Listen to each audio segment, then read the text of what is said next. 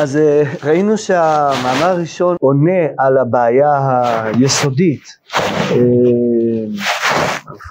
של תחילת המאה ה-20, מאה ה-19, של פריקת עול תורה ומצוות, אה, חוויה אישית של הרב הנזיר עם אותם תלמידי חכמים סלש סטודנטים שעשו איתו את המסע ממזרח אירופה למערב אירופה, שרובם הפסיקו לקיים תורה ומצוות, ואז מה שהרב הנזיר רוצה לתת במאמר שלנו זה שלהיות חוקרים של חוכמת ישראל בלי לקיים תורה ומצוות אה, זה לא ייתן לכם הכל, זה ייתן לכם רק משהו מאוד מאוד חלקי. להבין לעומק את החוכמה העברית זה רק עם קיום תורה ומצוות. זה פחות או יותר הנושא של המאמר אה, והכיוון שלו.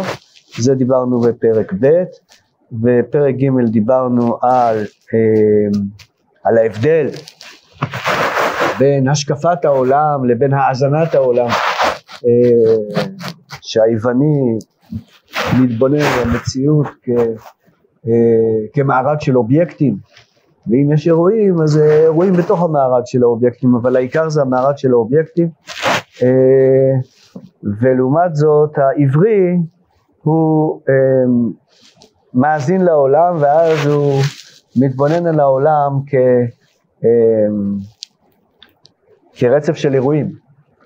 רצף של אירועים, הרבה פעמים אני גם רוצה לדעת איזה אובייקטים מעורבים באירועים, אבל זה תמיד משני. האירועים הם הדבר המרכזי. אה, יש לזה המון משמעויות, ודיברנו על כמה משמעויות של זה בשנה שעברה, שדיברנו על, ה, אה, על המאמר הראשון של תבנית הפילוסופיה היהודית. אמ, אז לכן, אה, ההיגיון העברי ששמיע אינו צופה בעולם ואינו רואה בו אלוהי עולם, אלא שומע חוקי עולם. שומע, מתבונן בעולם ו, או, ושומע את החוקים.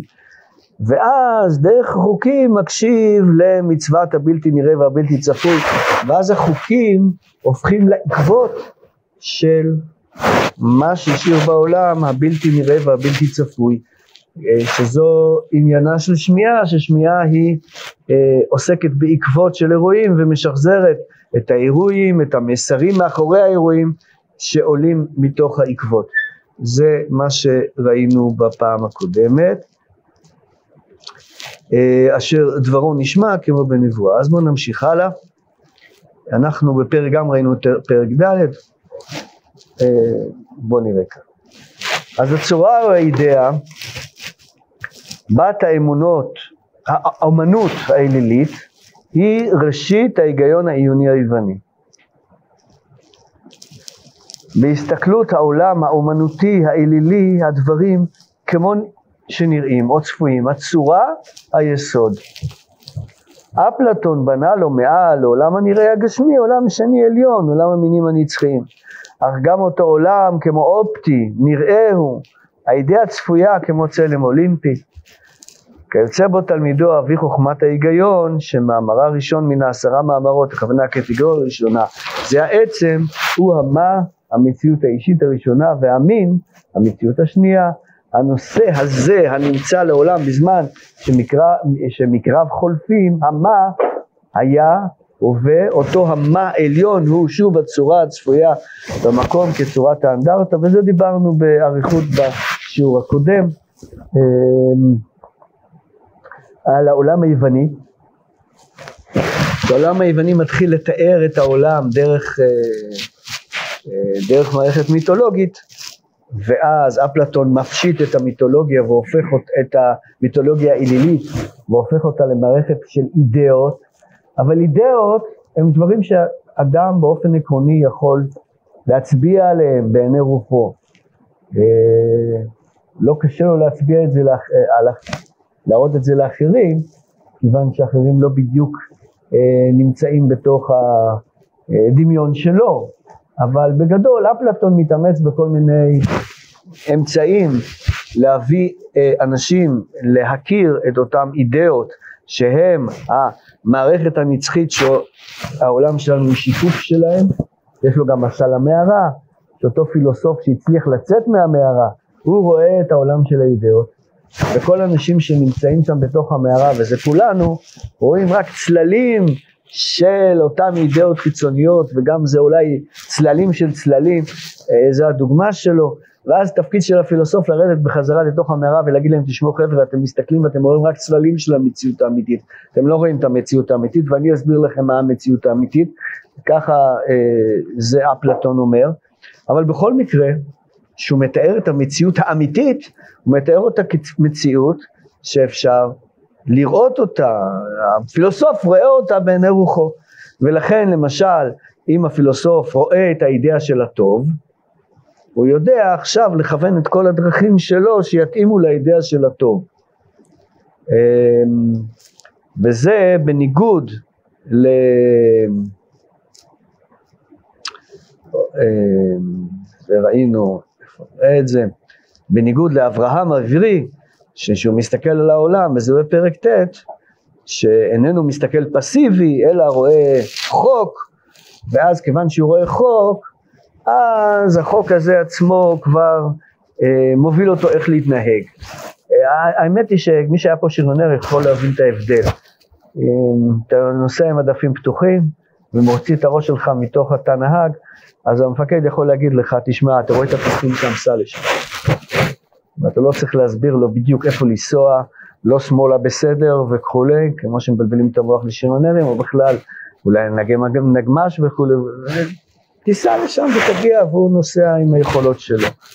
ויש אפשרות אחרת, שהמדפים סגורים ולא רואים כלום, ואז ההוראות לטנקיסט או לנהג של הנגמש, תיסע ימינה, זהו עד כאן, בסדר, תמשיך ישר וכולי, והוא לא רואה כלום, והוא לא מבין כלום, אבל הוא נוסע כמו שאומרים לו, בסדר? אז העולם של אפלטון לא נותנים הדרכות מוסריות איך להתנהג. אבל אומרים לך, הנה תראה סמה, זה האידאה. ת, תתנהג בצורה כזאת שתגיע לאידאה, אתה מרגיש שאתה מתרחק מהאידאה, אז תכוון את עצמך שתגיע עוד פעם. באופן עקרוני, ברגע שהראיתי לך את הפיסטין, את האידאה, אני לא צריך לכוון אותך איך להגיע לשם, אתה כבר תגיע לבד. לעומת זאת העברי, הוא רואה שכל העולם מבוסס על חוקים, אז הוא מחפש את החוק שקשור אליו. החוק שמתעסק עם הדברים הקטנים הוא לא יפה, לא, הוא פירוט, אני לא רואה בדיוק מה המגמות שלו ולאיפה הוא מגיע, אבל הוא הולך לפי החוק. אז זה הבדל עצום בדרך המוסרית. האם לראות איזו אידאה רחוקה ולכוון אליה, או כל פרט ופרט אני שוקל אם הוא נכון או לא נכון לפי החוק. זה, זה, זה שתי הדרכים המוסריות, אבל זה לא רק מוסריות, אלא באמת איך אני מתבונן על העולם. זאת אומרת, אם אני מתבונן על העולם כמו עולם של נראה של עצמים, אז גם הטוב אה, שאליו אני צריך לשאוף זה מין סוג כזה של עצם, שאני צריך פשוט להגיע אליו, זה פיסטינקה. אני יכול לכוון את עצמי אליו. אבל אם כל העולם זה אירועים שחופרים בזמן, אז, אז בדיוק לאיפה אני מכוון את עצמי. אתה לא, אתה לא יכול לראות את מה שאתה מכוון את עצמך, אז אין ברירה. אה, אין, אין שם מה, מה לראות בחוץ. אז, אז, אז, אז לכן, מה שמחפשים זה חוק, איך להתנהג. ואיך להתנהג זה לא דווקא להגיע לאיזה אידאה גדולה. בסדר, זה בגדול ההבדל בין העולם היווני, שבנה לעצמו אידאות שהוא המרכז, ואז מסתכל על המערכת כמערכת של מארג של עצמים, וגם הדברים העקרוניים הנצחיים הם אה, עצמים, לבין עולם העברי. אז בואו נמשיך הלאה. זה דיברנו פחות או יותר פעם הקודם. עכשיו נראה את ה'. עכשיו ה' זה אה, די מעניין, ה'. זאת אומרת, אה, יש כאן קצת, יש כאן קצת איזה עוקץ וקצת חוש הומור. אקרופוליס, אתם יודעים מה זה אקרופוליס, מה? כן? מה? מה זה אקרופוליס?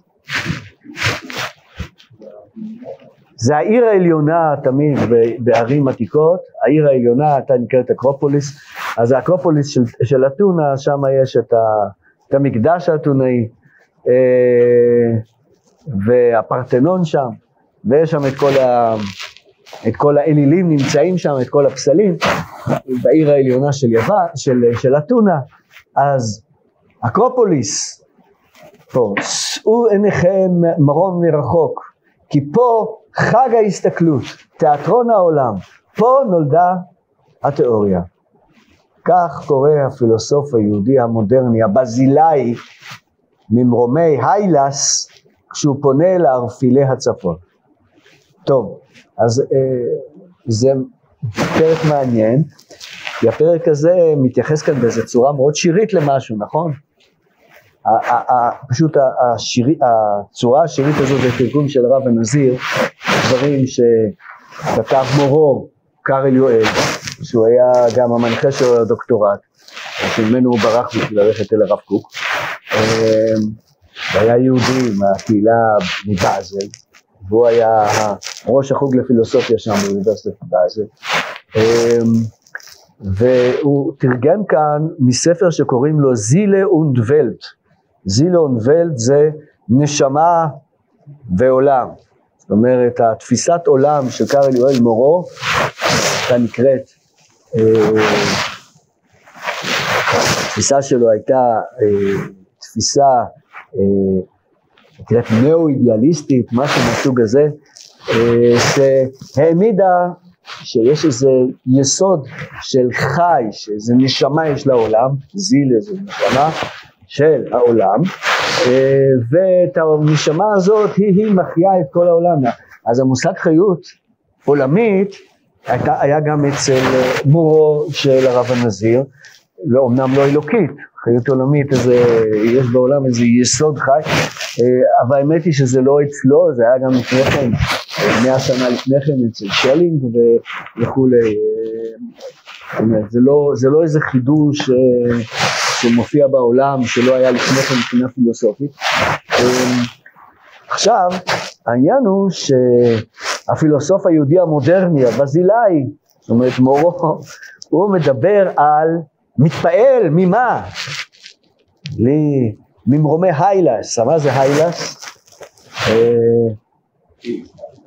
זה לא הילס, אין שם בבאזל שם בדיוק הילס, זה היילס, והיילס הזה זה הלני, מהלשון של הליוס, אל השמש.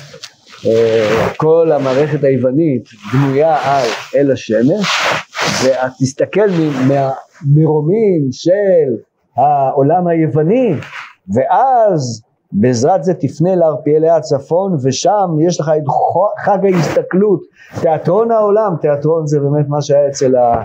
אה, שם נולדה התיאוריה, מה אמרנו שזה תיאוריה, אתם זוכרים? מה ההסתכלות? ההסתכלות נולדה אצל העולם היווני, אבל ההסתכלות שהיא מעבירה את ההסתכלות הפיזית למישור השכלי, ומזה מאוד מאוד מתפעל קארל יואל, כל העולם שלו זה עולם הסתכלותי.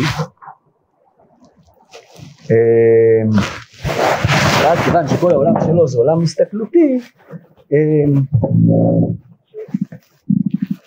וזה החידוש הגדול של העולם המערבי.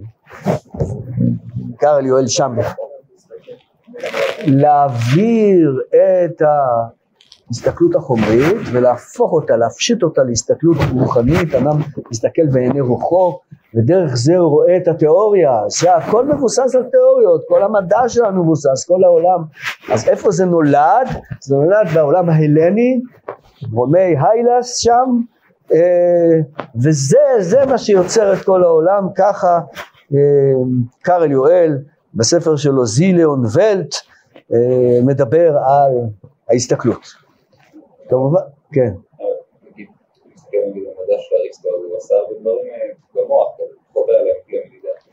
אז מה שהוא עשה במוח, זה ראינו בפרק קודם, שנדבר על הקטגוריות של אריסטו, אז הקטגוריה הראשונה תמיד זה העצם. צריך לדבר על משהו שאיתו אתה מתעסק. לדבר על, ה, על הדבר שנשאר לאורך, מהמדע האריסטוטלי. אמנם רוב המדע האריסטוטלי החזיר יותר מאלף שנה, אבל מה שנשאר ממש ממש עד המאה ה-19 זה דווקא הצד ההגיוני, והצד ההגיוני מעמיד את העצם בראש, ויצר גם את המושג של סובסטנציה, שזה העצם של העצמים, שבסופו של דבר ספינוזה בונה עליו את כל הפילוסופיה הספינוס שלו, הפנתאיסטית, על המושג הזה האריסטוטלי, וזה בעצם הסתכלות, כי כשאתה יכול להצביע על משהו ולהראות אותו ולהגיד זה העצם, איתו אני מתעסק, אז יש לך עצמים פיזיים, אבל יש לך גם עצמים שכליים. אז, אז למשל ההגדרה השכלית הזאת של הקטגוריה הזאת של העצם היא היא בעצם בעצם, זה בדיוק הנקודה, היא בעצם אה, סוג של אליל שאיתו אתה בונה, זה עוד מעט נדבר, אבל לא אליל פיזי, שאתה יכול לראות אותו אה, באקרופוליס, בפרטנון, אלא מסתכלים ולומדים אותו באוניברסיטאות, אה, ואיתו אתה מתחיל לחשוב. זה, זה, זה מה שעושה כאן אה, זה הסיפור של, אה, הגדול של, אה, של קארל יואל, אבל יש לו תלמיד שהולך בכיוון הפוך. זאת אומרת, כאן הרב הנזיר מצמיד את מורו קארל יואל לעולם היווני, שאחר כך הוא יסתור אותו. אז בואו תראו כאן מה היום אני. על ידי הרב דוקטור כהן, היה מופיע ספר השנה ליהודי וי, שווייץ, בערכת בנו דוקטור אה, מרקוס כהן, כן, אז. אה, והזמין אצלי המאמר תפנית הפילוסופיה הדתית העברית שבו הוא בא לראשונה כלל ההיגיון העברי השני במידה שנוגע לתפנית הפילוסופיה הדתית העברית. הוא תורגם מעברית בהשתתפותי על ידי דוקטור מרקוס כהן וסודר מכונת כתיבה מסרטיב לפרופסור קארל יואל לחוות דעת, כי הרי בסופו של דבר הוא המנחה שלו לדוקטורט, אז אה, מסר לו את התרגום היפה שלו של המאמר, בו אמרו כך, אילו הייתי לפני שנות החמישים שלי, אז הוא היה בן חמישים ושבע. אמ, הייתי מחליף דעותיי, לא, חמישים ושלוש אני חושב, אה, אני רואה אור ממזרח. זאת אומרת, אפשר להבין את זה בתור התפעלות גדולה, אני רואה אור ממזרח. אה, חוץ מזה, מה זה לפני שנות החמישים שלי? הוא בסך הכל בן חמישים ושלוש. אז פספסת בארבע שנים. היית צריך למסור לפני ארבע שנים, אז הייתי מחליף את דעותיי. זאת אומרת, אתה בעצם אומר שכל מה שאני עושה, כל החשיבה שלי היא לא מדויקת, או שהיא לא מתאימה למזרח. עכשיו, הוא לא אומר לו, אני שומע הכל ממזרח, הוא אומר, אני רואה אור ממזרח, אז יש כאן איזו עקיצה. אה, אז אני לא יודע בדיוק איך, איך להתייחס לאמירה הזאת, אבל זה בדיוק האמירה, אז, אז, אז זה מה שאמר לו קארל יואל. והרב הנזיר בתמורה גם כותב כאן בכל הנבואה שאומר עליו, מי, מי, מי מכיר את קארל יואל לימינו? אה, אז לפני כמה שנים פגשתי יהודי שבא משוויץ,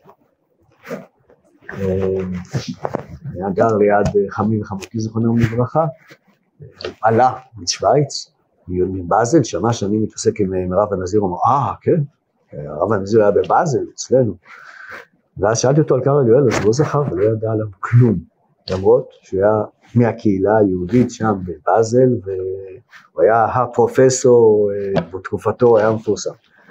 אבל אחרי מלחמת העולם אה, השנייה נשכח לגמרי. והאמת היא שבאמת לא כתבו עליו הרבה בזמן שהוא היה חי. התייחסו לתיאוריה שלו, יש איזה כתיבה, מאמרים, ביקורות. אחרי שהוא נפטר אין כלום. ואז לפני כמה שנים טובות מצאתי מאמר ביפנית על הספר שלו של, אה, אה, של זילאון ולט, אבל לא ביפנית, של יפני שכתב בגרמנית. הוא בא מיפן, נסע לשוויץ וכתב דוקטורט בגרמנית על, ה... על איזה פילוסוף יהודי נשכח. אה, זה היה מעניין, אבל השאלה למה הוא עשה את זה. למה יפני הולך לכתוב דוקטורט בגרמנית על איזה פילוסוף יהודי נשכח. אבל אני חושב שההסבר הוא פשוט. פילוסוף כזה שאף אחד לא מתעסק איתו, אז אפשר לכתוב בקלות דוקטורט, כי בדוקטורט אתה צריך להקיף את כל החומר שכתבו.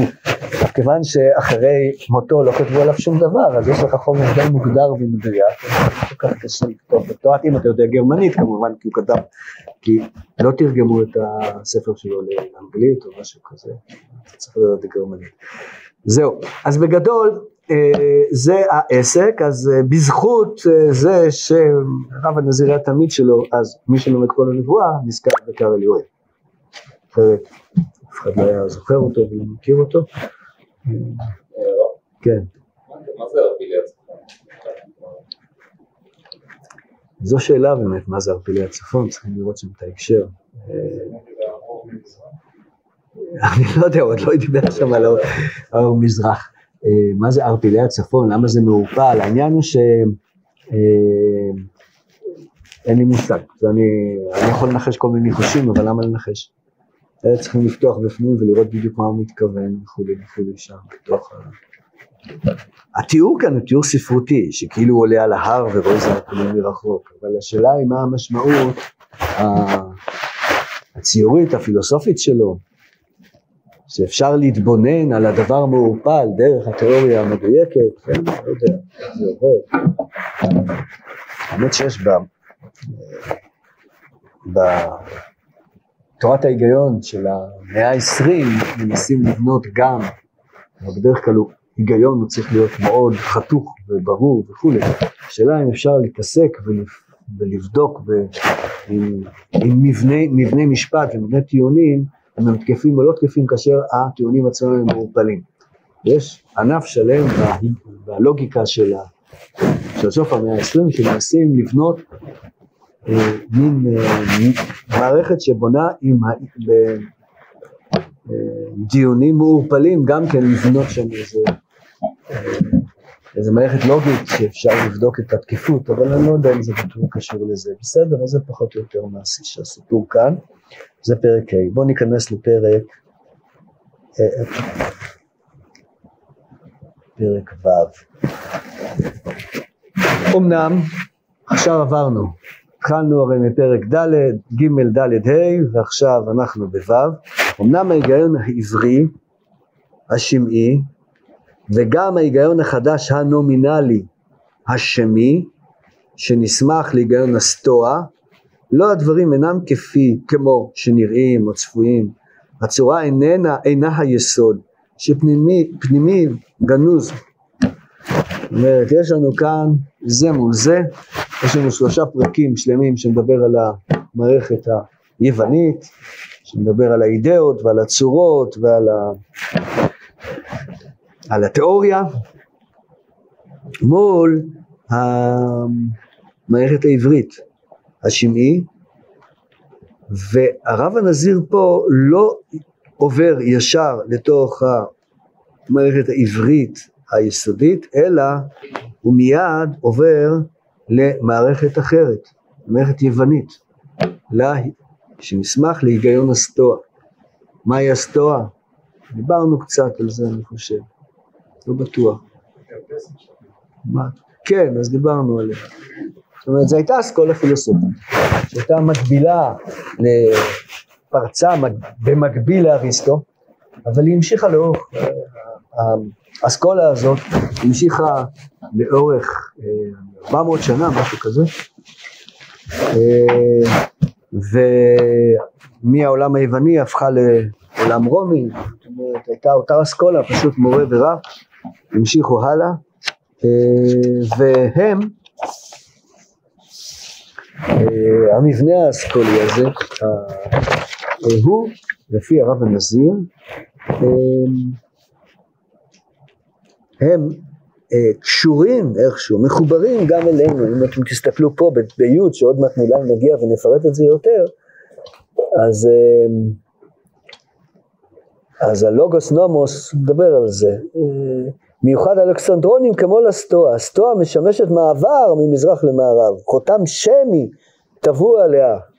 ואז יש כאן כל מיני אנשים שכנראה קשורים, ל... השמות שלהם אפילו שמות שמיים, שראשי הסטואה זה אחר זה נשמותיהם כולם ממזרח. ובתבניתה המעשית המוסרית הזרה לתיאוריה היוונית, דיברנו על התיאוריה בפרק הקודם, היי, hey, אז התבנית של ה... אה, של המבנה הסטואי, של החשיבה, אה, אז הוא תבנית מעשית מוסרית, אז זה ממש דומה לתבנית של הפילוסופיה הדתית היהודית, כפי שראינו במאמר הראשון. אז אה, אומר כאן הרב הנזיר בפרק ו', נגיע לפרק י', נתעסק איתו הרבה, אז בפרק ו' אנחנו רואים שההיגיון החדש, הנומינלי השני, שנסמך לגרם הסטואה, לא הדברים אינם כפי שנראים או צפויים, הצורה איננה היסוד שפנימי וגנוזו. עכשיו, כשאנחנו מדברים על ההיגיון החדש, מה זה ההיגיון החדש?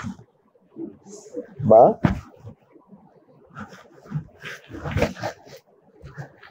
כן.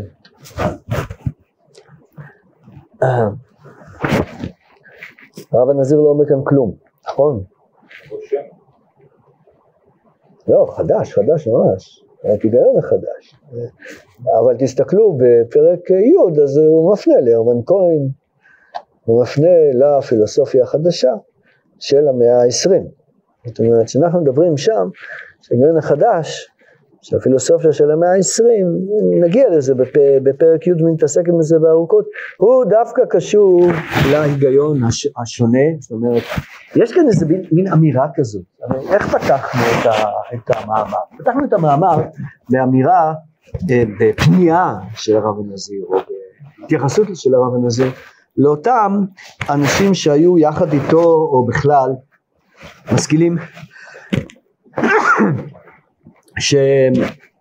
שחשבו שתשמעו בשביל לחקור יהדות אני לא צריך לקיים מצוות. כמו חוקר של המבה לא צריך להיות המבות אה, חוקר של המבות לא צריך להיות המבה כן? אז אה, אני יכול לחקור את העולם היהודי ולהבין את החוכמה היהודית בלי להיות לקיים מצוות. למה אני צריך לקיים אותה? אז קודם כל מה שאומר הרב הנזיר תשמעו קודם כל תעריכו את ההיגיון העברי. למה?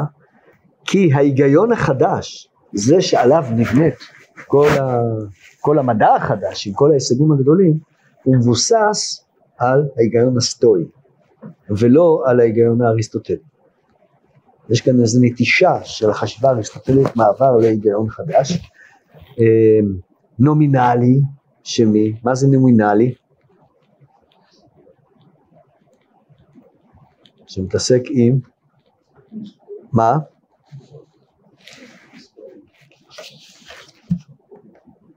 שמתעסק עם המילים, עם המשפטים, לא עם ה... אה, אה,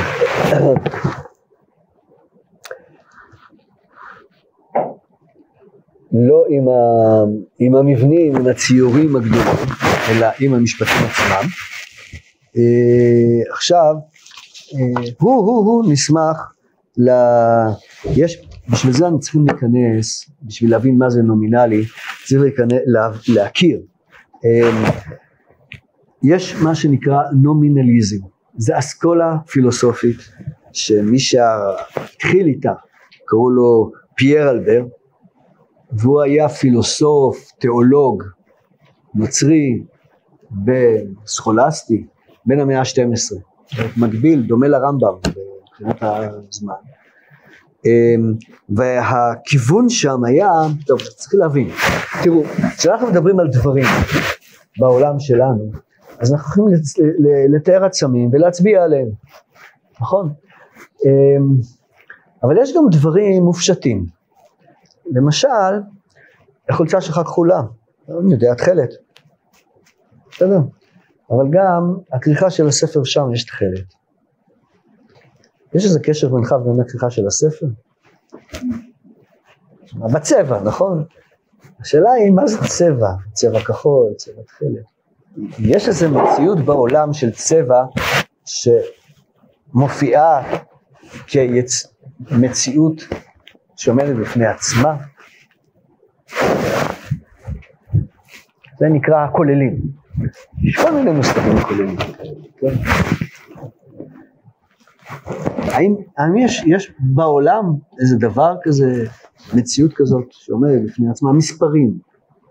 אני סופר כאן את התלמידים, אה, ויש כאן תשעה תלמידים פלוס יחד איתי זה מניין, אפשר להגיד קדיש בסוף. אז אה, השאלה היא עכשיו, האם המספר עשר זה מציאות שעומדת בפני עצמה בעולם? גם בלי שהיו כאן עשרה אובייקטים כאלה שאנחנו קוראים להם תלמידים, או אנשים.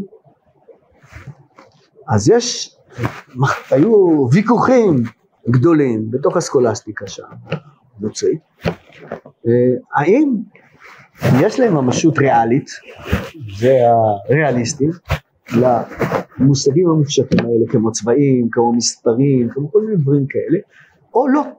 אין להם משמעות ריאלית. אז אם ככה, ואנחנו מכירים אותם במציאות, אי אפשר להגיד שאין מספרים. יש מספרים, נכון? אז, אם, אז, אז, אז איפה הם נמצאים? אם לא איזה משהו ריאלי כזה כמו האידאה של אפלטון. הם נמצאים בשפה. זה נקרא הגישה הנומינליסטית, שהדברים נמצאים בתוך השפה, בתוך הלשון. בתוך הלשון של האדם יש את המושג כחול, את המושג מספר, זה נמצא בשטח. זו הייתה הגישה של תיאור. אז זה לא אידאות, זה שפה. והאמת שכל הפילוסופיה החדשה זה מה שהיא תופסת בגדול, זה בשפה. העניין הוא שהרב הנזיר, כפי שראינו בפעם הקודמת, מבין שהשפה זה לא איזה משהו הסכמי כזה שנוצר במקרה אצל אדם, אם אתם זוכרים במה ראשון, דיבר הרבה על השפה. שפה זה ביטוי של מאמר אלוקים וכולי וכולי, זה לא דבר שקשור אליהם, דווקא. זה דבר מאוד מאוד קיים, וכל המציאות בנויה עליו. לכן, אמנם הגישה השמעית של הרב הנזיר היא מאוד דומה לגישה החדשה, אבל היא הופכת את העניין. כי השפה זה השפה האלוקית, זה דבר שאפילו זה, זה רוח שמתגבשת מהקודש, כמו שאמרנו, רוח מרוח, מתוך הרוח האלוקית, זו השפה, כפי שמופיע במאמר הראשון, ספר יצירה וכולי וכולי, מה שהבאנו שם, לגבי הנושא של השפה, שוב אחרון ישעיה, עשינו את זה מהר, אה, אבל, אה, אז לכן, גם אתה, אומר, גם אתה הופך את ה... אתה מתייחס, מתעסק עם העולם הנומינליסטי, אתה נותן למציאות הזאת של הכוללים, אתה נותן להם מציאות מאוד מאוד מוצקה בתוך השפה. אבל אצל העולם הנוצרי, אצל העולם הנוצרי השפה היא לא חשובה. מתי התפעלו וגילו שפתאום השפה יש לה משמעות? ברנסאנס, שפתאום נכנסו וגילו את העולם היהודי והבינו, רגע, רגע, יש מושג כזה של פרדס, יש מושג כזה של שפה, והשפה יש לה עומק וכולי וכולי. עד אז, הרי הנוצרים אימצו את הלטינית, לטינית, מה זה לטינית? הם ידעו, זה שפה רומאית, זה אפילו לא השפה שאותו, שאותו האיש שלהם דיבר בה. כן, דיבר בארמית, עברית. היה יהודי, נכון. כן. הם שמו בפה שלו, בסוף, בסוף, צולבים אותו, שהוא צועק, אלי, אלי, למה שווקתני? לקח את הפסוק בתהילים והפך את זה לשווקתני במקום עזבתני.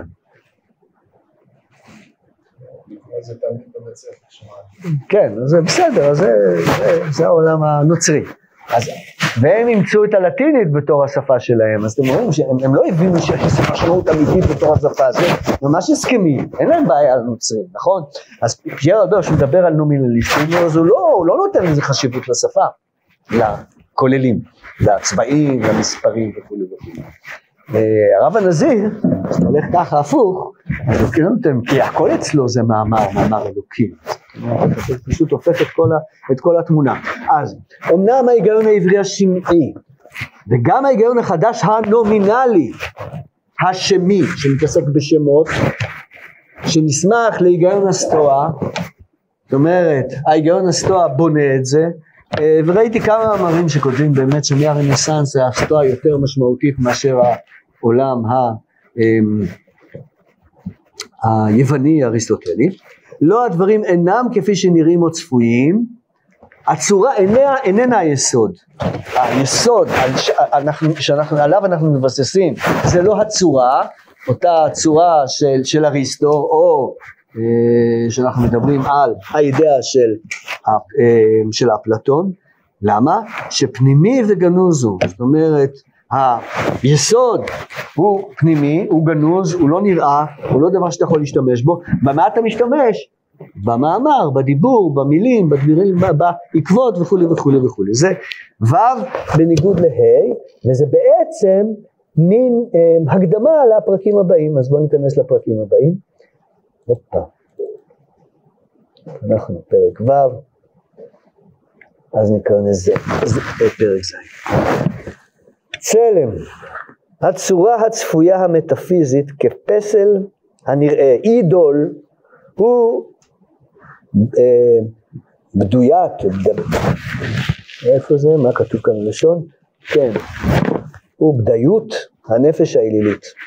וכן האמרה באורגנון חדש, הצורות בדויות הנפש האנושית, האנושית הן, אם לא חוקי הפעולה הנקרא, נקרא, נקראים צורות. ויותר נכון, החומר היסודי הפנימי, התבנית וחילופי התבנית שלו, הוא פעולה טהורה וחוק הפעולה או התנועה.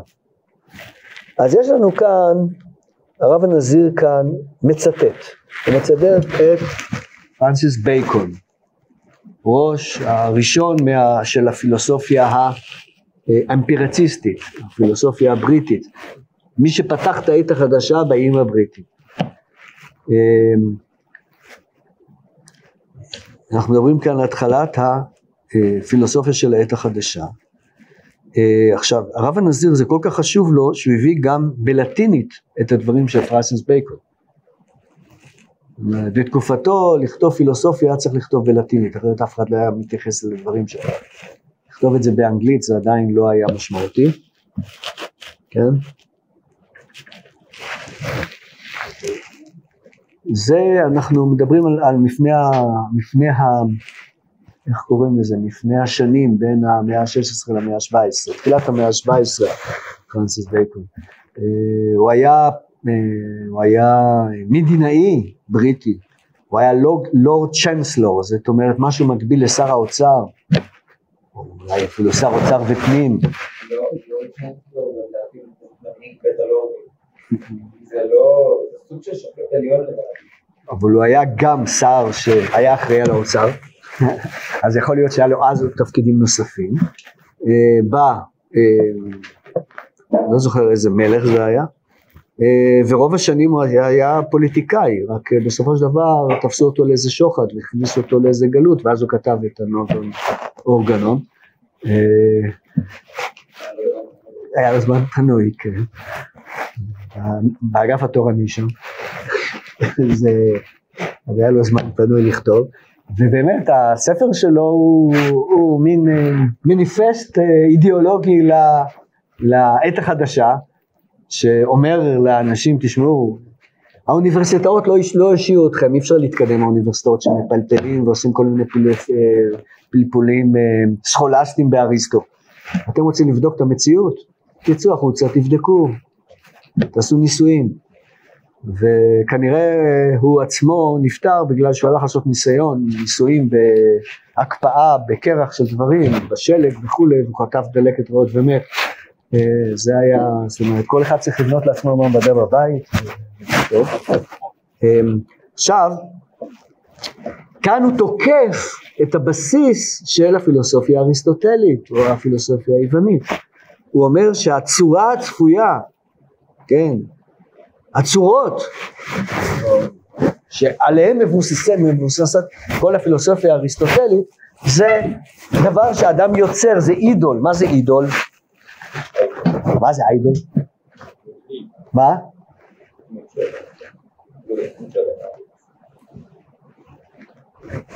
כן, זה דמות, זה דמות, זה אליל, זה אה, מתואר בדרך כלל בקונוטציה שלילית, של דבר לא מבוסס. אבל מה העיקרון? העיקרון הוא שאין הבדל אם אתה הולך לבנות פסל ב... באבן או בנחושת, או לבנות את זה בעיני רוחך, את הפסל של אותו אליל, נניח עקרונות מטאפיזיים גדולים, וללמד אחרים, אז מה זה משנה אם אתה בונה את זה ושם את זה בפרטנון, את הפסל של, אה, של אתנה, ודרך זה אנשים יודעים איך נראית, האל, האל, איך נראית האלה של החוכמה, או שאתה מתאר איזה, איזה, איזה, איזה דבר מטאפיזי ואתה מתחיל להתפלפל איתו ואתה מלמד את כולם את המטאפיזיקה הזאת, גם זה יצרת בעצמך, זה לא דבר שראית בחוץ. זה לא דבר שהלכת לנסות, זה לא דבר שבדקת, זה לא דבר אמפירי.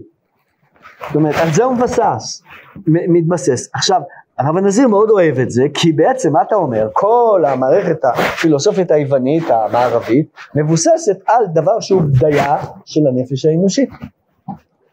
על זה בונים. אז זה, אה, לכן הרב הנזיר מצד אחד אפילו מביא אותו בלטינית ומתרגם לעברית ומעתיק את התרגום שלו בעברית לתוך כל הנבואה בפרק למעלה ולמטה מביא את הדברים ב... אה,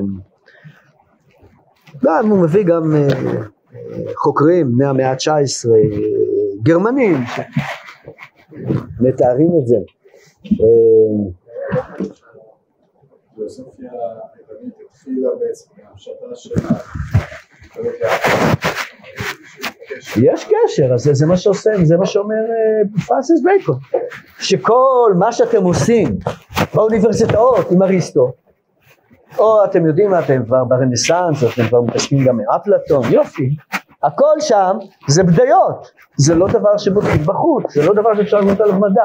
אז באמת פרנסיס בייקון לא הגיע להישגים גדולים במדע, אבל על פי האידיאולוגיה שלו, אחר כך היה בויל והיה ניוטון והיה וכולי וכולי, שבאמת בנו את כל המערכת שלנו, עד כדי כך שאנחנו יכולים לעשות כאן אה, אה, לצלם ולהביא זום ולהתעסק עם מחשבים, הכל מבוסס על, על האידיאולוגיה שלו.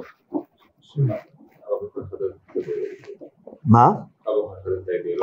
האידיאולוגיה שאתה צריך לנסות דברים בצורה אמפירית. אתה לא יכול לדבר, הרי מה, איך, מה, מה מבין אריסטו? אריסטו מבין, תשמע, אם מי שיש שכל שלם, אז בעזרת, אם הוא מבין טוב לוגיקה, והשכל שלו שלם, אז הוא יכול להבין את המציאות, והוא לא צריך לנסות אותה, הוא לא צריך לבדוק מה שבחוץ. אם אתה הולך להתווכח עם אריסטו, אז כנראה השכל שלך יותר שלם ממנו. לא, כנראה שלא, נכון? אז הנצרות עד כדי כך אימצה את אריסטו בתור המדע האולטימטיבי והכנסייה אימצה אותו כך שאפשר לשרוף כמה אנשים ולטגן אותם בכיכר העיר כיוון שהם מבינים את המציאות קצת אחרת מאריסטו, נכון? זה, זה העיקרון. אז אמ, זה בדיוק נגד זה יוצא פאסנטק, הוא אומר תשמעו אתם לא הולכים לפלפל באריסטו בשביל להבין את המציאות. צאו החוצה ותבדקו, אין לכם כלים לבדוק, תשחררו את הכלים שלכם. תבדקו בצורה יותר טובה. אה, בהקשר הזה באמת יש הרבה תיאוריות מדעיות שכן אה, אה, על ידי תופעה, נגיד, סתם נגיד יש תיאוריה אחת, נגיד יש תיאוריה בהתנסות, אז שם יש כאן דווקא כן היה בעיות מסוימות, סתם כן על ידי ניסוי מחשבתי. ניסוי מחשבתי כן, אבל ניסוי מחשבתי הזה מתבסס על ניסויים, כי היה להם שתי בעיות גדולות, אני יודע, בעיה אחת בעיקר, אה, שהוא צריך לפתור מבחינה... אני מתעסק גם עם, גם עם הקוונטי בהתחלה וגם עם תורת היחסות הכללית.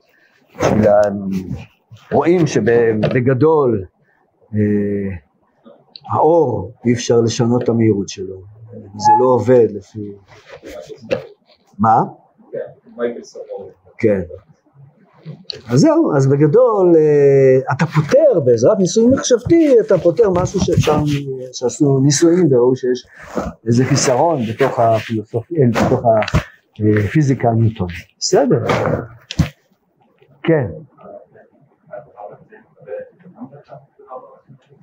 מה? מה, את הגישה האנגלית של ה...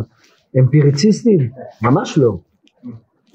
ממש לא, אבל זה, נטפל בזה בצורה ארוכה מאוד במאמר השם אלוהים נשמע, שם מטפל בהם. אבל הוא מקבל את זה שהצורות, האידאות, זה בדיה של הנפש האנושית.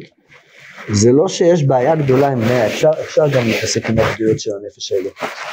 זה אפשר להבין אחר כך שמתעסקים בעולם הפנימי, מה המקור שלה. יש, יש גם מקום ל, למה שאדם מצייר בעיני שכלו. יש לנו אה, מאמר שלם שקוראים לו ה, אה, האור הדמיוני המדמה, שמסביר מה המקום של הדמיון ההסתכלותי בתוך המחשבה השמעית העברית. אבל אה, אם אתה רוצה להיות טהור מבחינת, מבחינת, מבחינת הפילוסופיה העברית, השמעית, אז תבין שזה יצירה אנושית. השאלה, בשביל מה צריך ליצור יצירות אנושיות כאלה? יש להם תפקיד, אבל אתה צריך להיות מודע לזה. בסדר? ובשביל מה הם מתפקדים הם מאוד מאוד חשובים. אין, אין, אין אפשרות להכיר דברים פנימיים בלי שזה עובר דרך המערכת של, ה, אה, של הציור השכלי האנושי, דרך הדמיון האנושי. לכן הארי מרשה לעצמו לצייר, או לא הארי, רשב"י, יודע, בהידרות, לתאר את הקדוש ברוך הוא, או את, את האלוקות, בצורה מאוד מאוד מפורטת, עד כדי כך שאם מישהו היה מעז והיה חוצפן, הוא יכול אפילו לצייר את זה ולהראות את זה על אה, לוח איזה צבע שיער, יש למלכות ואיזה צבע שיער, יש לזעיר אנפין ואיזה להעריך אנפין ואיך איך מצויר, איך הזקן שלו ובאיזה צורה הוא ו, וכמה שכבות יש בזקן ואיך השערות מופיעות ו, ומה צבע העיניים של כל אחד מה, אה, מההופעות האלוקיות האלה. למה צריך את זה בכלל?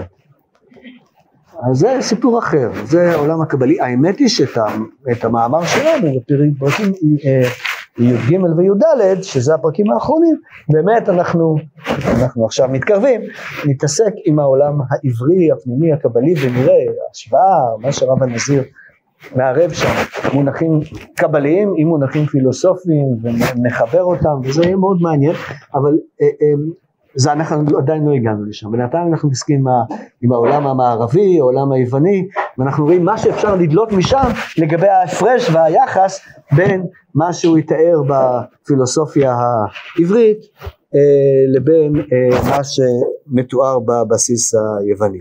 טוב, זהו, זה עד כאן, זה פרק זה.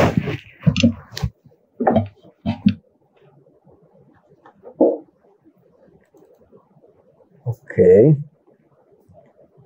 אנחנו חטא עכשיו, נכון? בזין עשינו? כן.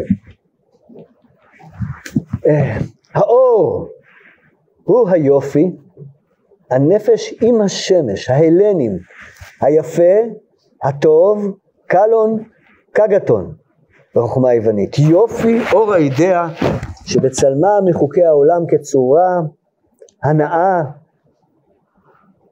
בסדרה הצפויה ברחבת המקום.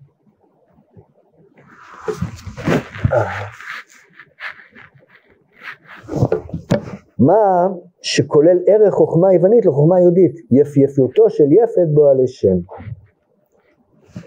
טוב, אז מה העולם היווני? העולם היווני מתעסק עם היופי, נכון? אבל זה לא סתם, זה לא במקרה שהעולם היווני מתעסק עם הרבה, עם היופי, והאור קשור ליופי, וכשאתה מדבר על ההלנים, אז זה בדבר, דבר שקשור להליוס, זה הנפש עם השמש, ההלנים, והיפה הוא גם הטוב, קלון קגתון. מה זה קלון קגתון? קלון קגתון זה ככה היו משבחים אציל יווני. במילים קלון קגתון. מה המשמעות של קלון קגתון? אז אה, קלון וקגתון זה, אה, האמת היא שבעברית זה נכנס גם כן. מה זה לקלס? מהמילה קלון, מיוונית. אה, אז המושג קלון קגתון הוא שקלון זה ביטוי או אמירה ביוונית שיש שם גם יופי, יופי חיצוני, אבל גם יופי של התנהגות. וקגתון זה רק יופי מוסרי. ותמיד כשהיו מדברים על אציל יווני, היו אומרים לו קלון קגתון, ככה משבחים אותו, אם היו רוצים לדבר בצינית, בציניות על איזה גנב שפל, אז היו אומרים עליו שהוא קלון קגתון, אבל בציניות. אה, בגדול שהוא אדם יפה ואצילי ועם מידות טובות, אה, זה בגדול בעולם היווני.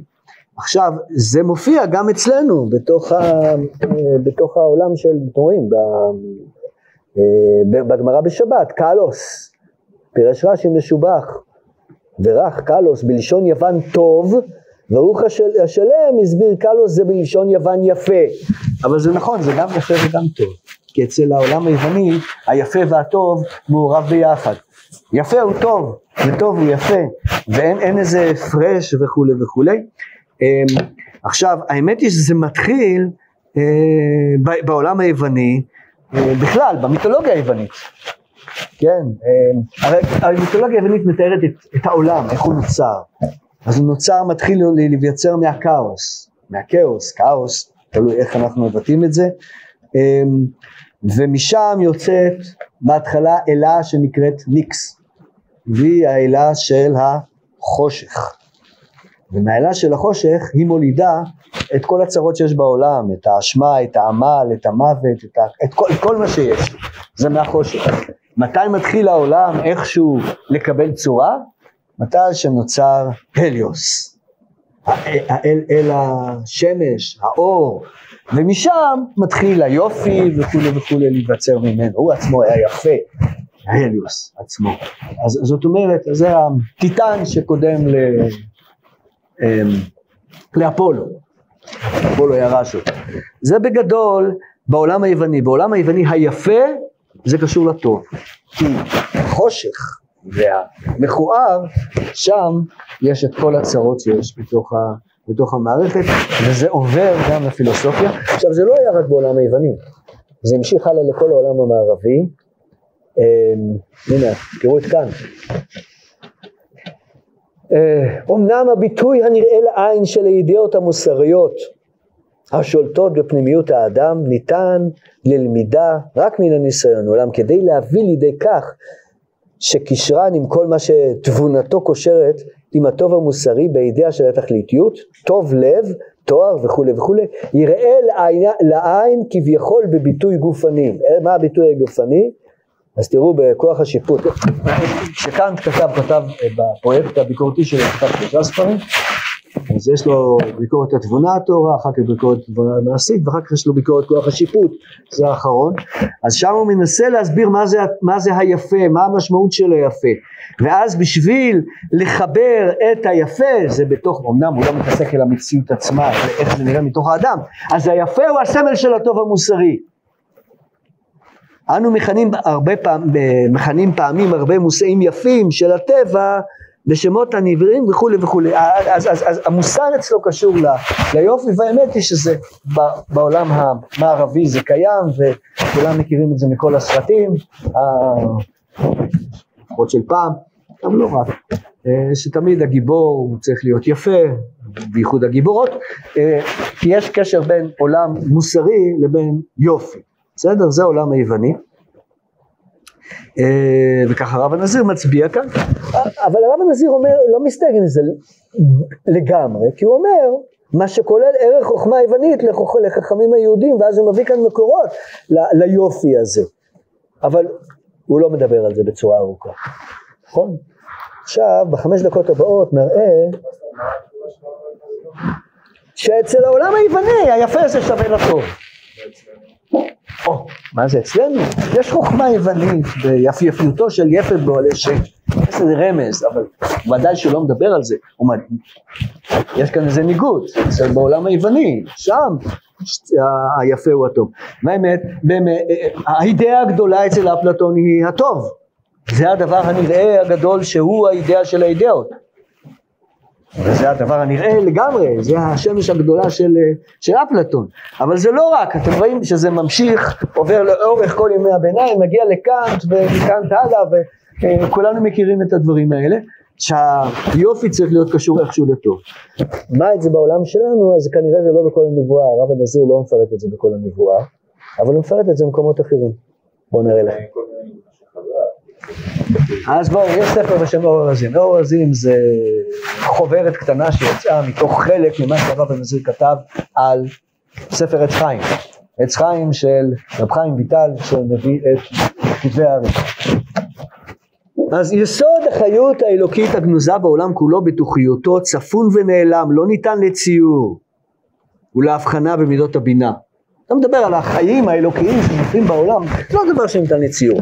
יסוד החיות האלוקית הצפונה, הגנוזה בעולם כולו, לא נגלה לעצמו, אלא מתגלה בהבעת היופי של המראה, ביופי הצורה המנראית. זאת אומרת, אתה מחפש את החיות, זה נראה ביופי. אפשר לראות את החיות האלוקית בתוך הצד של היופי. מה זה הצד של היופי? זה מידת, זה בספירת התפארת. במקום עולם התפארת והיופי שהוא, מה זה התפארת? זה שכל ההרגש, זאת אומרת הצד שאפשר לתפוס מההרגש איזה משהו שכלי, אפשר לתפוס שם משהו, כוח ההרגש, ההרגש המושל בכל ועלול לנטות לחוץ. טוב, אני לא לגמרי אכנס ואסביר לכם כל מילה כאן, אה, בכל מקרה זה קצת קשור לפנימיות ואין לנו כאן מקום לשיעור שלם בשלוש דקות הקרובות. אה, אבל תשימו לב, התפארת קשורה לחיי היופי ולפאר היופי מאחוריהם. מה זה מאחוריהם? לגאוני היופי המשוררים בעלי האומנות אין חיי מוסר קיימים, יש בהם אחיזה לחיצוניים ולזה באים המעשים הקבועים הדבקים בחיי שירה של תפארת להגן עליהם מאבק החיצוני והטיה לרע. אומר הרב הנזיר, תשמעו, יש מקום בעולם העברי ליופי, מקום חשוב, זה קשור לספירת התפארת. שם מופיע החיות האלוקית, תשמעו, אין, אין דבר שאדם יותר נרתע ממנו מאשר ראיית מוות. זה הדבר שהכי מרחיק את האדם. דברים יפים הם בדרך כלל קשורים לחיים. זאת אומרת, שיש אמ, יש לנו אביב יפה עם הכל פורח וירוק, אז זה נראה לנו מאוד יפה. אחר כך בסתיו שהכל קמל וקמל, שזה נראה פחות יפה. זאת אומרת, החיים, ביטוי של יופי הוא קשור לאיזה חיים פנימיים שמופיעים כלפיך. זו הסתכלות חיצונית על, אה, על חיים פנימיים. זו הטענה כאן, אבל יש לנו בעיה עם זה, כי לחיצוניים, זאת אומרת לקליפות, לצד הרע בעולם, יש אחיזה, הוא יונק מהנקודה הזאת, מהיופי, בדרך הזאת. ניתן את זה בצורה, אה, בדרך כלל כשאדם רואה דבר יפה, הוא רוצה אותו לעצמו, נכון? כן, אבל זה לא שלו. מישהו חיבר מנגינה יפה, אדם רוצה גם לדעת לשיר אותה בעצמו, לנגן אותה בעצמו בגיטרה או בפסנתר או משהו, זו מנגינה נורא יפה. כן, מישהו ראה בחורה נחמדה ויפה, אז הוא רוצה אותה לעצמו בתור אשתו, נכון? זה, יש שם איזה חיים, אז נראה לו יפה. אה, זאת אומרת, אתה מתחבר שם לחיים האלוקיים, איך אתה מתחבר? על ידי כיבוש, זה לא שלך, זה משהו חיצוני לך, אתה, אתה רואה את החיים מבחוץ ואתה רוצה שזה יהיה שייך לך, כן? מישהו יש לו, שמע בדיחה יפה ממישהו אחר, והיא יפה, אז הוא רוצה לאמץ אותה לעצמו, אז הוא אומר אותה בעצמו, הוא לומד אותו בעל פה, וזה, זאת אומרת, העניין הוא כזה שדברים יפים זה הבעה של חיות אלוקית, אבל הצד החיצוני שלהם. עכשיו הקיצוניים, הרע בעולם, רוצה גם כן חיים אלוקים, אבל אין לו שלו, אז איך הוא מקבל אותם? הוא כובש חיים של אחרים, ועל ידי זה הוא מתחבר אליהם. אז זה נקרא לקבל את זה מאחוריהם, זה לא בצורה ישירה, זה לא פנה אליך, זה לא נתן לך, אתה לוקח דבר שבעצם היה צריך להגיע לאחרים. החיים האלוקיים מכין את הכל, הם מכינים גם את הרע וגם את הטוב. כל דבר בעולם יש לו חיים אלוקיים, זה הנושא של החיות האלוקית העולמית, אבל החיצוניים מקבלים את זה מאחור. מה זה מאחוריהם? מאחוריהם זה שזה לא מגיע להם, הם תופסים דברים ששייכים לאחרים. אז עכשיו, אנשים שקשורים, שהם גאונים, שקשורים ליופי, אם הם לא קשורים גם למוסר מעשי קבוע, אז הם יכולים לנסות להגיע לדברים מאוד מאוד שליליים, לכבוש כל מיני דברים שלא מגיעים אליהם, לא צריכים אליהם, אפשר להגיע לשם לכל מה ש... כל הרע שיש בעולם בצורה הזו, ולכן היופי זה דבר מסוכן. אז מצד אחד זה, יש בו חיוב, אבל הוא צריך להיות מצופה בהרבה הרבה אה, מערכת מוסרית חיצונית של מעשים חיצוניים בשביל לא אה, להגיע לצד השלילי שיש ביופי. זה מה שהרב הנזיר טוען. זאת אומרת, אה, אז יש כאן איזה ביאור מאוד מאוד עמוק למשמעות של היופי. יופי פירושו ביטוי של חיים. חיים כיוון שהם כל דבר בעולם חי, אז יש גם אפשרות להתחבר אל ה... אה, הצדדים השליליים אה, וכולי וכולי, שם אין חיי מוסר קיימים, יש, אם מישהו רוצה כן להתחבר ליופי, אז צריך אה, להקנות אה, מסגרות מוסריות מאוד מאוד חזקות בשביל לא אה, להתחבר אל הפן ה, של הרע, של החיצוניות. לכן בכל הנבואה שהרב הנזיר מדבר על היופי, אז הוא מביא את זה אצל העולם היווני, ואומר שזה גם מופיע באוהלי שם, דרך אגב, אבל בקיצור. איפה שהרב הנזיר כן מפרט בהרבה יותר, אה, בביאורים שלו ל, אה, לעולם הפנימי, שם הוא באמת, כשאתה מדבר על התפארת אין ברירה, אתה צריך לבאר את זה שם, ואז מפאר את זה בצורה ארוכה, וגם מביא את, ההערה הצדדית הזאת, ששימו לב, זה מסוכן.